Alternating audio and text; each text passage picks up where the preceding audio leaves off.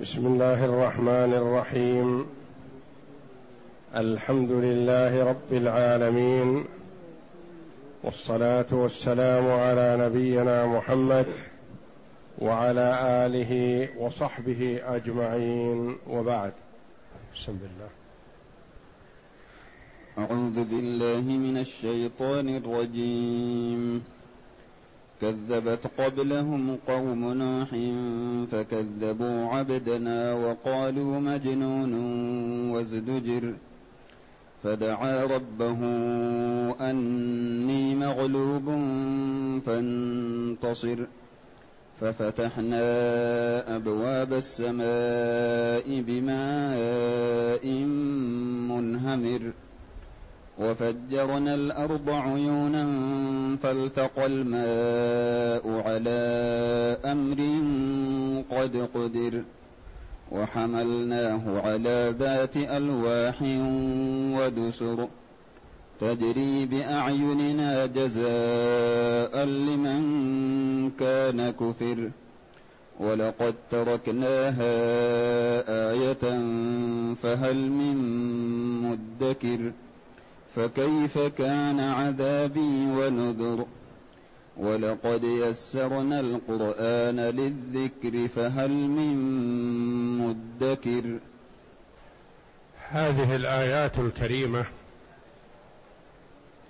من سورة القمر جاءت بعد قوله جل وعلا فتول عنهم يوم يدعو الداعي إلى شيء نكر خش عن أبصارهم يخرجون من الأجداث كأنهم جراد منتشر.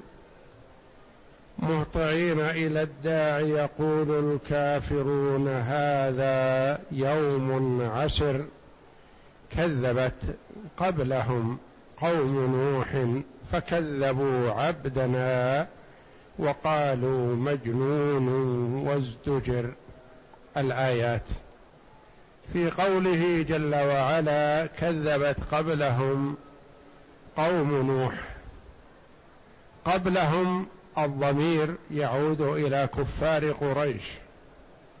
يعني كذبت قبل قوم قبل قومك يا محمد. قبل قريش كذبت قوم نوح وفي هذا تسلية للنبي صلى الله عليه وسلم وتخويف لكفار قريش بأنكم إن استمررتم على تكذيبكم لنبيكم فلكم سلف. وقد علمتم ما حل بسلفكم من العقوبة والنكال فمصيركم مصيرهم مع التكذيب منكم. ففيها تسلية للنبي صلى الله عليه وسلم بأنك لست أنت وحدك المكذب وليس التكذيب هذا راجع إلى تقصير منك أو عدم بلاغ. فأول الرسل نوح على نبينا وعليه أفضل الصلاة والسلام. كذب الذي هو أول رسول أرسل إلى أهل الأرض. لأن آدم عليه الصلاة والسلام ومن بعده كإدريس لأن إدريس قبل نوح عليهم الصلاة والسلام أنبياء وليسوا برسل. فأول رسول أرسل إلى أهل الأرض هو نوح عليه الصلاة والسلام. ومكث في قومه يدعوهم إلى الله جل وعلا ألف سنة إلا خمسين عاما وما استجابوا له. أول رسول وأكثر مدة ومع ذلك ما استجابوا له. ففيها تسلية للنبي صلى الله عليه وسلم وتخويف لكفار قريش. كذبت قبلهم قوم نوح. يعني كذبوا نوحا عليه الصلاة والسلام. فكذبوا تكرير تفصيل بعد إجمال. فكذبوا عبدنا. من المكذب؟ هو عبدنا يقول الله نوح عليه السلام. والعبودية هي شرف للعبد إذا اصطفاه الله جل وعلا لعبوديته. والله جل وعلا وصف محمدا صلى الله عليه وسلم بالعبودية له في أشرف المواطن عند إنزال الكتاب عليه. فقال تعالى الحمد لله الذي أنزل على عبده الكتاب ولم يجعل له عوجا. وعند الاسرى به والعروج به إلى السماوات العلى قال تعالى سبحان الذي أسرى بعبده ليلا من المسجد الحرام إلى المسجد الأقصى.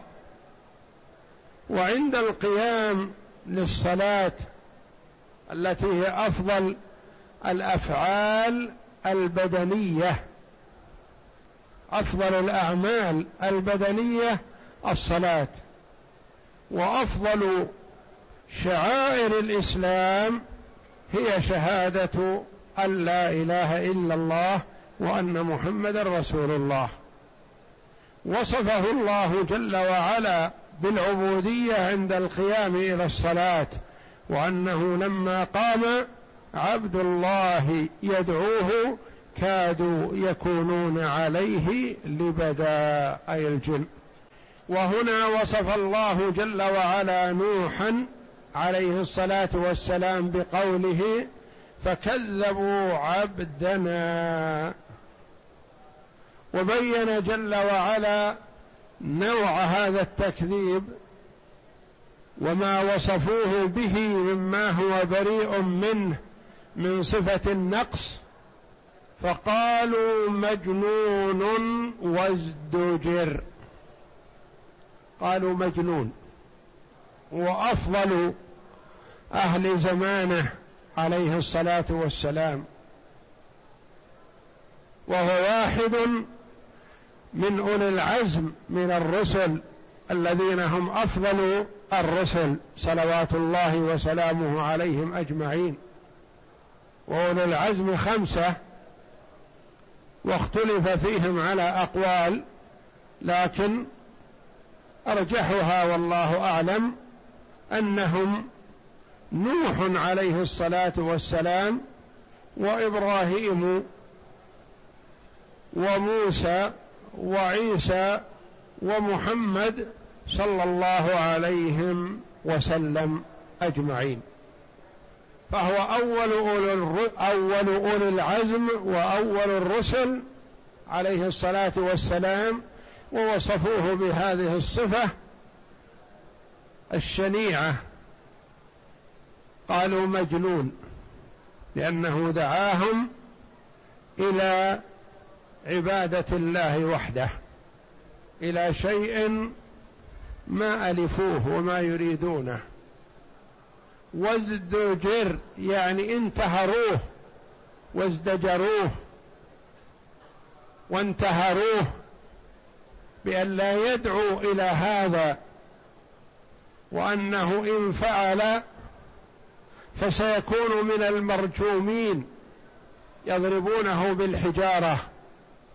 فدعا نوح ربه على قومه لما أيس منهم.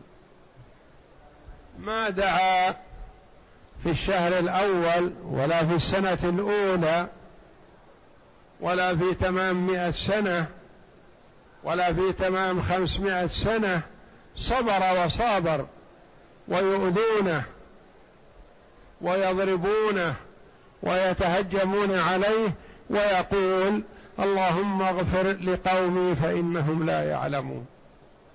صابر وصبر عليه الصلاة والسلام ما تعجل. حينما دعا عليهم فقال رب لا تذر على الأرض من الكافرين ديارا.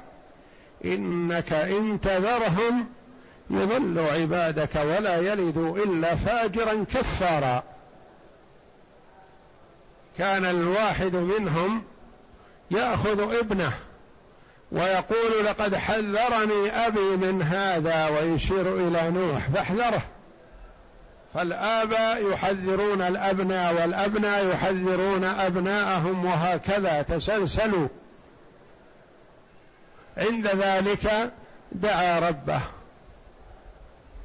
لما أيس منهم لأنه ما استجاب له إلا قلة. قلة لأن المستجيبون لا لأن المستجيبين له هم الذين ركبوا في السفينة. وما ملأوها؟ لأن فيها من كل حيوان زوجين. ذكر وأنثى لحكمة يريدها الله جل وعلا وهي بقاء الجنس. حملوا في السفينة حتى الحشرات حتى الطيور والسباع والوحوش. حملت مع نوح في السفينة. امرأته ما آمنت به. ابنه ما آمن به. فدعا ربه أني مغلوب فانتصر. لما صبر وصابر ودخله اليأس منهم بأنهم لا يؤمنون توجه إلى الله جل وعلا فدعا عليهم. أني مغلوب يعني غلبني قومي وأبوا علي. وما استعجل عليهم عليه الصلاة والسلام. فانتصر انتصر لي يا ربي وانتصر لدعوتي. وذلك بالانتقام منهم وتطهير الأرض منهم لأنهم لا خير فيهم. يقول يقول تعالى كذبت قبل قومك يا محمد قوم نوح فكذبوا عبدنا أي صرحوا له بالتكذيب واتهموه بالجنون. وقالوا مجنون وازدجر. قال مجاهد وازدجر أي استطير جنونا. وقيل وازدجر أي انتهروه وزجروه وتواعدوه. لئن لم تنته يا نوح لتكونن من المرجومين. فدعا ربه أني مغلوب فانتصر.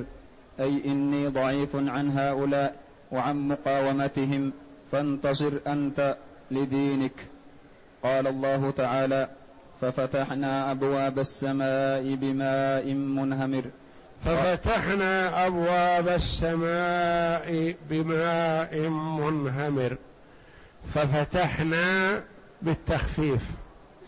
ففتحنا بالتشديد.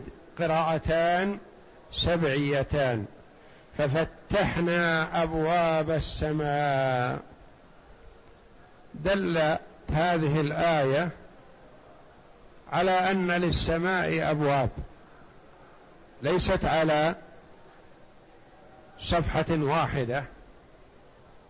بل لها مداخل كما ثبت في حديث الإسراء والمعراج أن جبريل عليه الصلاة والسلام لما وصل إلى باب السماء استفتح. فقيل من؟ فقال جبريل. فقيل ومن معه؟ قال محمد. قيل أو أرسل إليه؟ قال نعم أرسل إليه. ففتحوا له. فدل على أن للسماء أبواب تفتح وتغلق. قال بعض المفسرين هذا الماء الذي نزل على قوم نوح ليس كالمطر العادي لأن المطر العادي ينزل من السحاب وهذا فتحت له أبواب السماء نزل من غير سحاب. ففتحنا أبواب السماء بماء منهمر. المنهمر المنصب بكثرة وغزارة. قيل أنه استمر عليهم الماء أربعون يوما بغزارة وكثرة. أبواب السماء بماء منهمر. نازل بقوة منصبا انصبابا شديدا في كثرة وتتابع ولم ينقطع أربعين يوما. وفجرنا الأرض عيونا. فجرنا الأرض عيونا أبلغ والله أعلم من قوله وفجرنا عيون الأرض. وفجرنا الأرض كأن الأرض كلها تفجرت عيون. بخلاف قول وفجرنا عيون الأرض يعني كأن العيون الموجودة في الأرض زاد ماؤها لكن هذه فجرت الأرض كلها. وفجرنا الأرض عيونا فالتقى الماء على أمر قد قدر. وفجرنا الأرض عيونا يعني الماء تتابع عليهم من أعلى ومن أسفل ينبع من تحت الأرض. فالتقى الماء وفي قراءة فالتقى الماءان ماء من فوق وماء من تحت.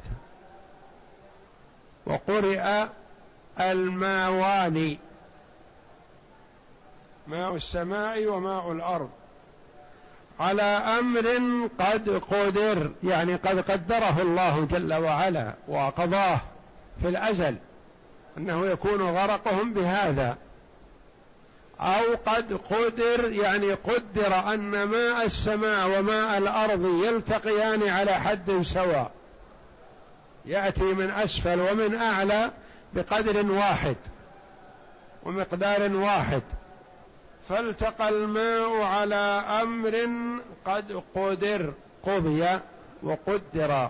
قضاه الله جل وعلا في الأزل أن هلاك قوم نوح يكون بهذا الماء النازل من السماء والنابع من الأرض. لما تكاثر الماءان كانت السفينة مصنوعة من قبل مهيئة بأمر الله جل وعلا. وقد ورد في بعض الآثار أن الله جل وعلا أوحى إلى نوح بزراعة نوع من أنواع الشجر. يكبر. لأجل أن تؤخذ خشبه للسفينة. فزرعه زرعه صغيرة ونماه. فلما كبر وارتفع قطع فأوحى الله جل وعلا آليه أن اصنع السفينة. وكان في أرض صحراء فكان قومه يمرون به ويستهزئون به. أن تصنع السفينة لماذا وأنت في صحراء؟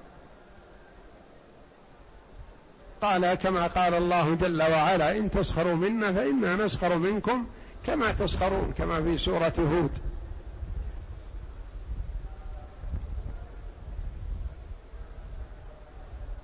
قال الله جل وعلا وحملناه على ذات ألواح ودسر. معجزة عظيمة.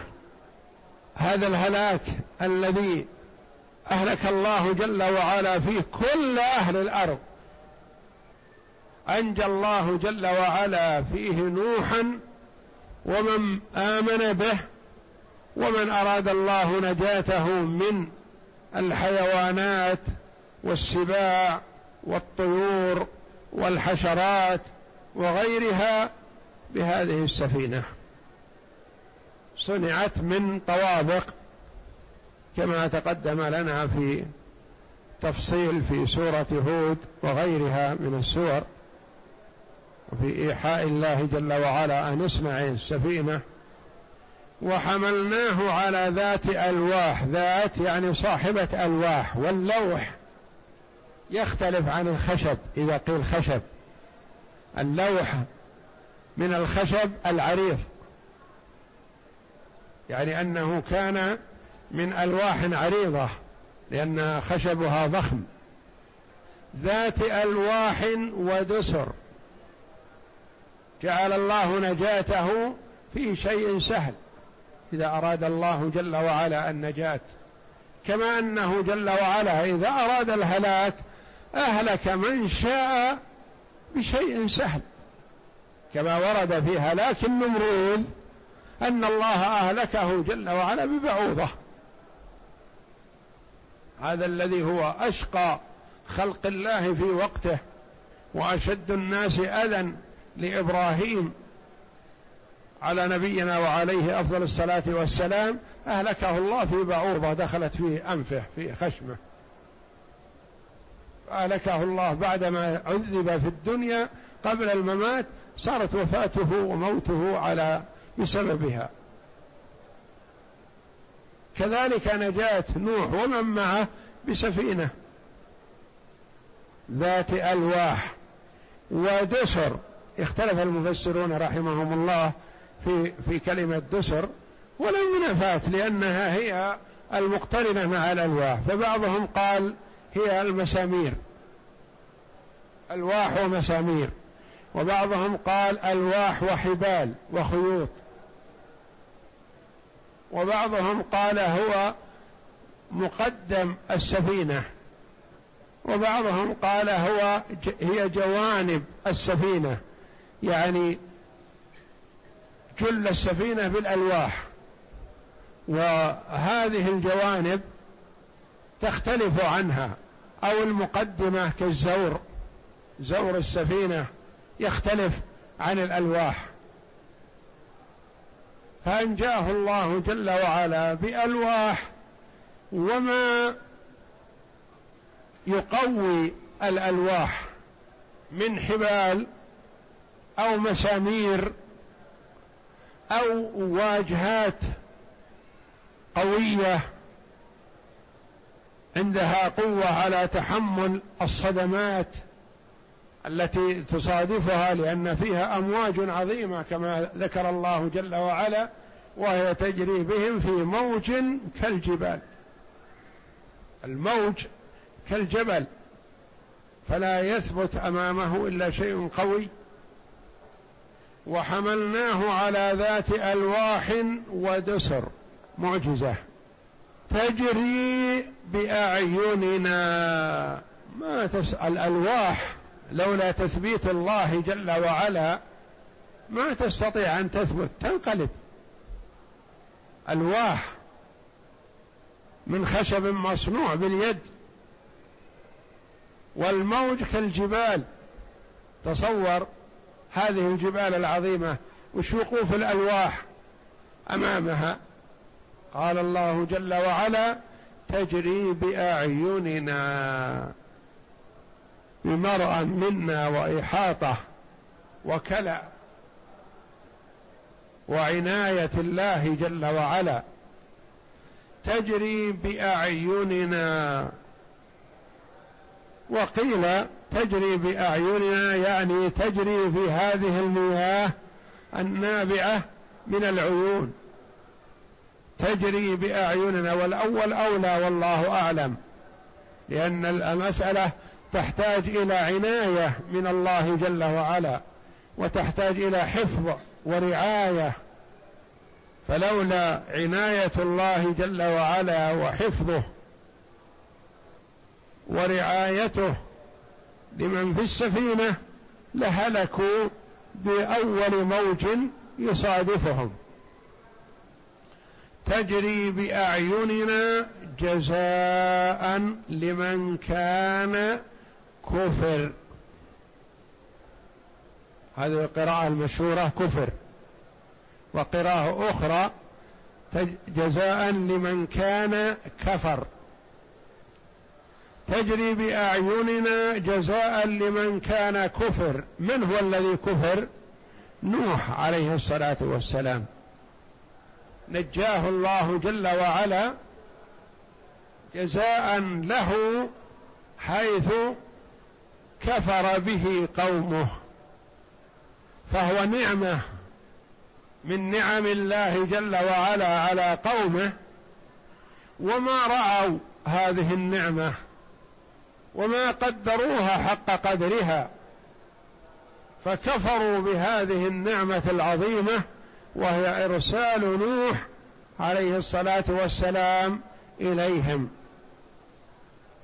تجري بأعيننا جزاء لمن كان كفر أو لمن كان كفر يعني إن جاء نوح عليه الصلاة والسلام وإغراق قومه جزاء عقوبة للكفار منهم. لأن نجاة نوح بالسفينة تضمن كثرة المياه التي أهلكت غيره فهذا نجاة نوح وغرق غيره جزاء للكافر الذي دعي إلى توحيد الله جل وعلا فأبى ورفض وما استجاب. تجري بأعيننا جزاء لمن كان كفر. يبين الله جل وعلا إن جاءه لأوليائه وإهلاكه لأعدائه تذكيرا وتبشيرا للمؤمنين وتخويفا وزجرا للكافرين وإقامة للحجة عليهم. إن الله جل وعلا أنذر العباد وخوفهم. ففتحنا أبواب السماء بماء منهمر قال السدي وهو الكثير. وفجرنا الأرض عيونا أي نبعت جميع أرجاء الأرض حتى التنانير. التي هي محال النحار نبعت التي هي محال, محال النيران نبعت عيونا. فالتقى الماء أي من السماء والأرض على أمر قد قدر أي أمر مقدر. قال ابن جريج عن ابن عباس في قوله ففتحنا أبواب السماء بماء منهمر كثير لم تمطر السماء قبل ذلك اليوم ولا بعده إلا من السحاب. فتحت أبواب السماء بالماء من غير سحاب ذلك اليوم. فالتقى الماءان على أمر قد قدر. وحملناه على ذات ألواح ودسر. قال ابن عباس وسعيد بن جبير والقرظي هي المسامير. واختاره ابن جرير. قال وواحدها دسار وقال مجاهد الدسر أضلاع السفينة. وقال عكرمة والحسن هو صدرها الذي يضرب بها يضرب به الموج. وقال الضحاك طرفاها تجري بأعيننا أي بأمرنا بمرأ منا وتحت حفظنا وكلاءتنا. جزاء لمن كان كفر. أي جزاء لهم على كفرهم بالله وانتصارا لنوح عليه السلام. ولقد تركناها آية فهل من مدكر. تركناها أي السفينة والضمير يعود إليها. تركنا السفينة عبرة وعظة للمعتبرين. المتعظين قيل في تركناها يعني أبقاها الله جل وعلا في الجزيرة حتى رآها أوائل هذه الأمة. أوائل أمة محمد صلى الله عليه وسلم رأوا السفينة. التي أنجى الله جل وعلا بها نوحا عليه الصلاة والسلام. ونوح عليه الصلاة والسلام هو أول الرسل ومحمد صلى الله عليه وسلم هو آخر الرسل صلوات الله وسلامه عليهم أجمعين. قال قتادة أبقاها الله بأرض الجزيرة وقيل على الجودي زمنا مديدا. ودهرا طويلا حتى نظر إليها ورآها أوائل هذه الأمة. هذا قول لبعض المفسرين. أو أبقيناها يعني أبقى الله خبرها. عظة. يعني من درس هذا الخبر؟ تناقله الناس. من زمن نوح إلى آخر الرسل إلى محمد صلى الله عليه وسلم. ما جعلها الله تنسى وإنما يتحدث بها الناس أن الله جل وعلا ينجي من شاء بما شاء ويهلك من شاء بما شاء. قد يكون الشيء نعمة ويكون سببا لهلاك قوم آخرين. وقد يكون الشيء مصيبة ويكون فيه نجاة لقوم آخرين. أو أبقينا خبرها أو أبقينا جنس السفينة. حينما يراها الناس يتذكروا أن الله أنجى بهذه السف... بهذا النوع من السفن من شاء من عباده وأن الله أهلك من شاء بالماء الذي أغرقهم به. فهذه عظة وعبرة. ولقد تركناها آية فهل من مدكر؟ هل من متعظ هل تتعظون يا كفار قريش؟ لأن الآيات هذه كما تقدم هي مكية يعني نزلت قبل هجرة النبي صلى الله عليه وسلم من مكة إلى المدينة. فهل من مدكر أي متعظ وصلها أصل كلمة مدكر مدتكر. التاء هذه تاء الافتعال. يعني تاء الاتعاظ تاء الاستجابة.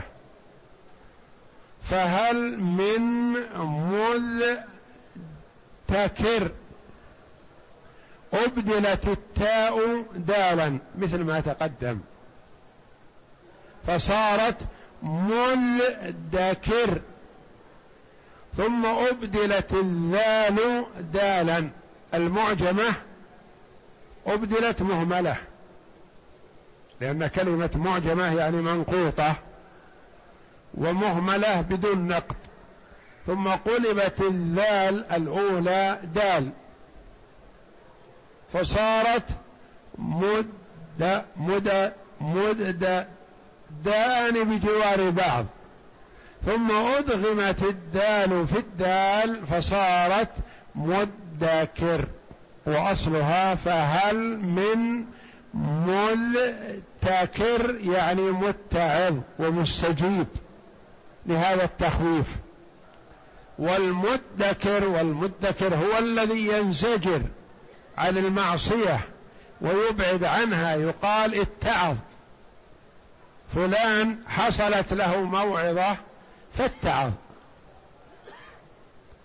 فلان حصلت له مصيبة فاتعظ يعني إيه؟ ادكر اتعظ انزجر ابتعد عن ما حرم الله. فهذه الأمور فيها عظه وعبرة لمن له قلب حي. فكيف كان عذابي ونذر؟ أي إنذاري إياهم. استفهام تقرير.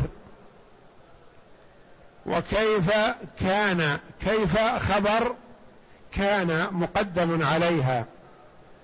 كيف كان وكيف كلمة يؤتى بها للسؤال عن الحال كما يقال كيف حالك؟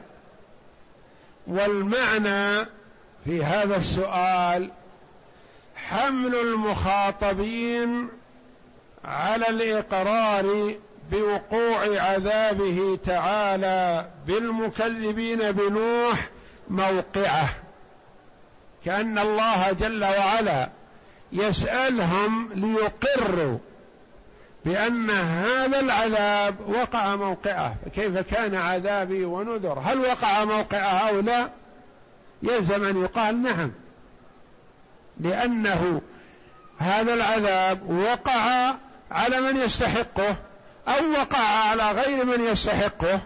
لا وقع على من يستحقه. هذا العذاب الذي عذب الله به هذه الأمة أمة نوح وقع على من يستحق هذا العذاب فأهلكه الله لأنه مستحق. والله جل وعلا لا يعذب قوما لا يستحقون العذاب. فتعذيب من لا يستحق العذاب ظلم. والله جل وعلا منزه عن الظلم. حرم الظلم على نفسه وحرمه على عباده كما ورد في الحديث القدسي. يا عبادي إني حرمت الظلم على نفسي وجعلته بينكم محرما. فلا تظالموا. لا يظلم بعضكم بعض. أن هذا حرام. وتعذيب من لا يستحق العذاب ظلم. والله منزه عن الظلم. فهو جل وعلا يقرر المخاطبين ليقروا بأن العذاب الذي حصل على قوم نوح كانوا يستحقونه. وقع موقعه. ينذرهم ويخوفهم ويدعوهم ويرغبهم ألف سنة إلا خمسين عاما ولا يستجيبون. يستحقون أقسى أنواع العذاب. ولقد تركناها آية. قال قتادة أبقى الله سفينة نوح حتى أدركها أول هذه الأمة. والظاهر أن المراد من ذلك جنس السفن كقوله تعالى وآية لهم أنا حملنا ذريتهم في الفلك المشحون وخلقنا لهم من مثله ما يركبون. وقال تعالى إنا لما طغى الماء حملناكم في الجارية لنجعلها لكم تذكرة وتعيها أذن واعية.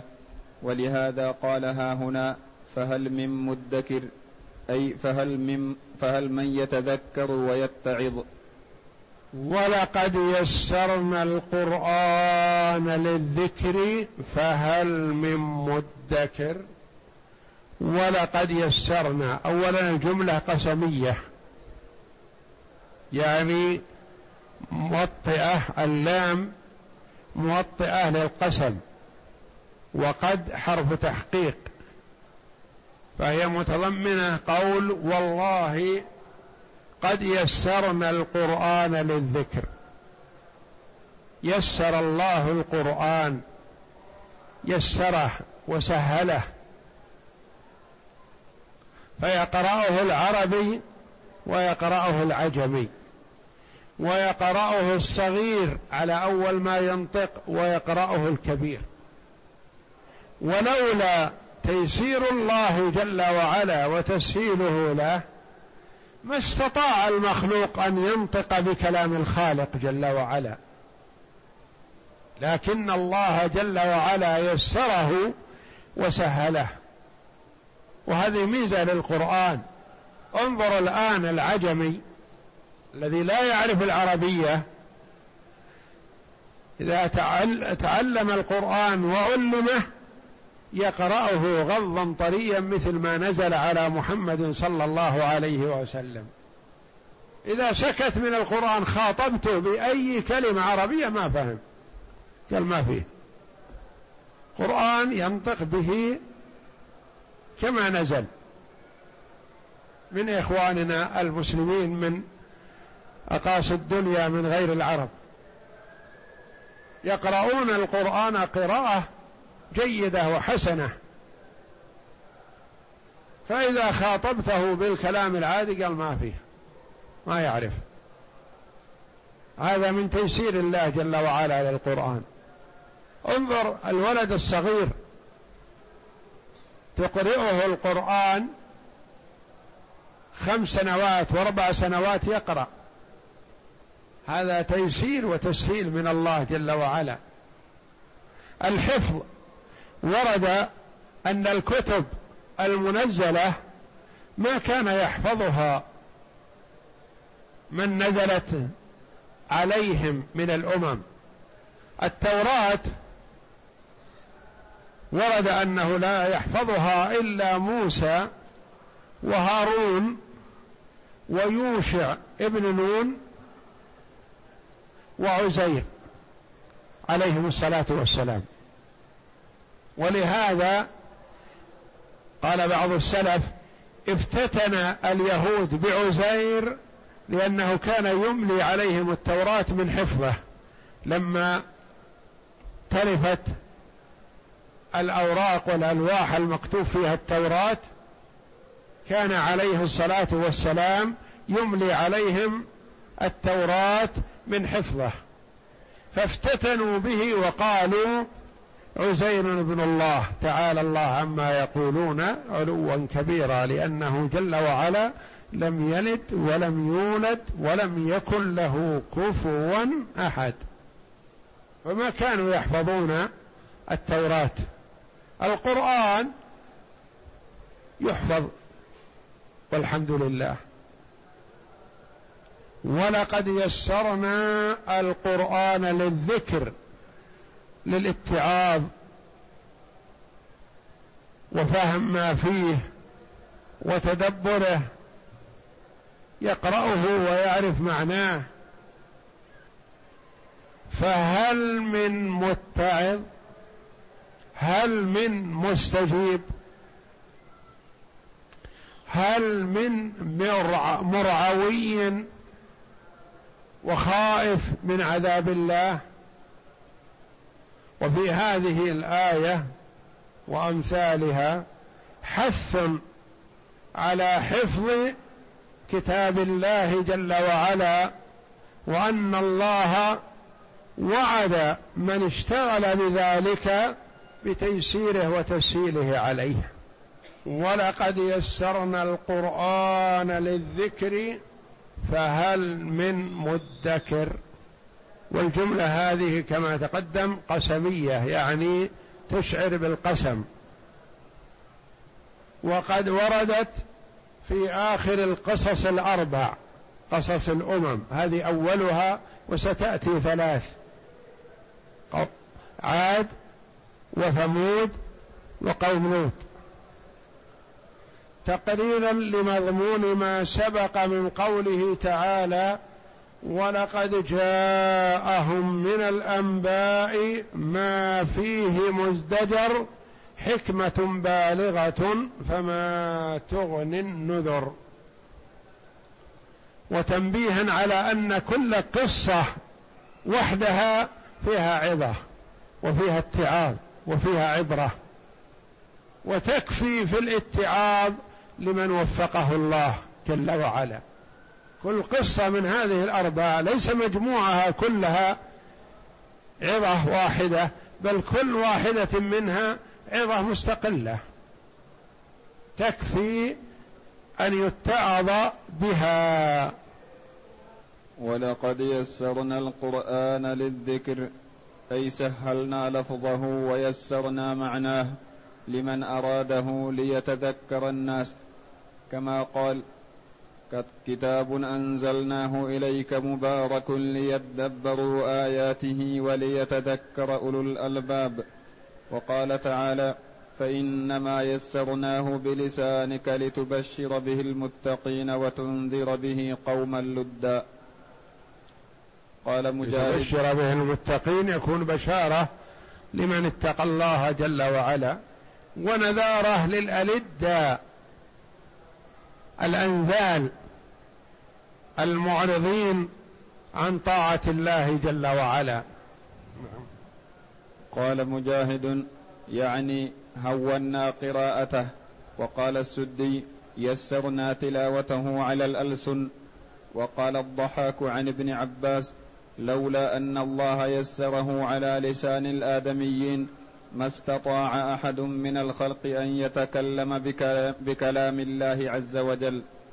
قلت ومن تيسيره تعالى على الناس تلاوة القرآن ما تقدم عن النبي صلى الله عليه وسلم أنه قال إن هذا القرآن أنزل على سبعة أحرف. فهل من مدكر أي فهل من متذكر بهذا القرآن الذي قد يسر الله حفظه ومعناه؟ وقال محمد بن كعب القرضي فهل من منزجر عن المعاصي؟ والله أعلم. وصلى الله وسلم وبارك على عبده ورسول نبينا محمد وعلى آله وصحبه أجمعين.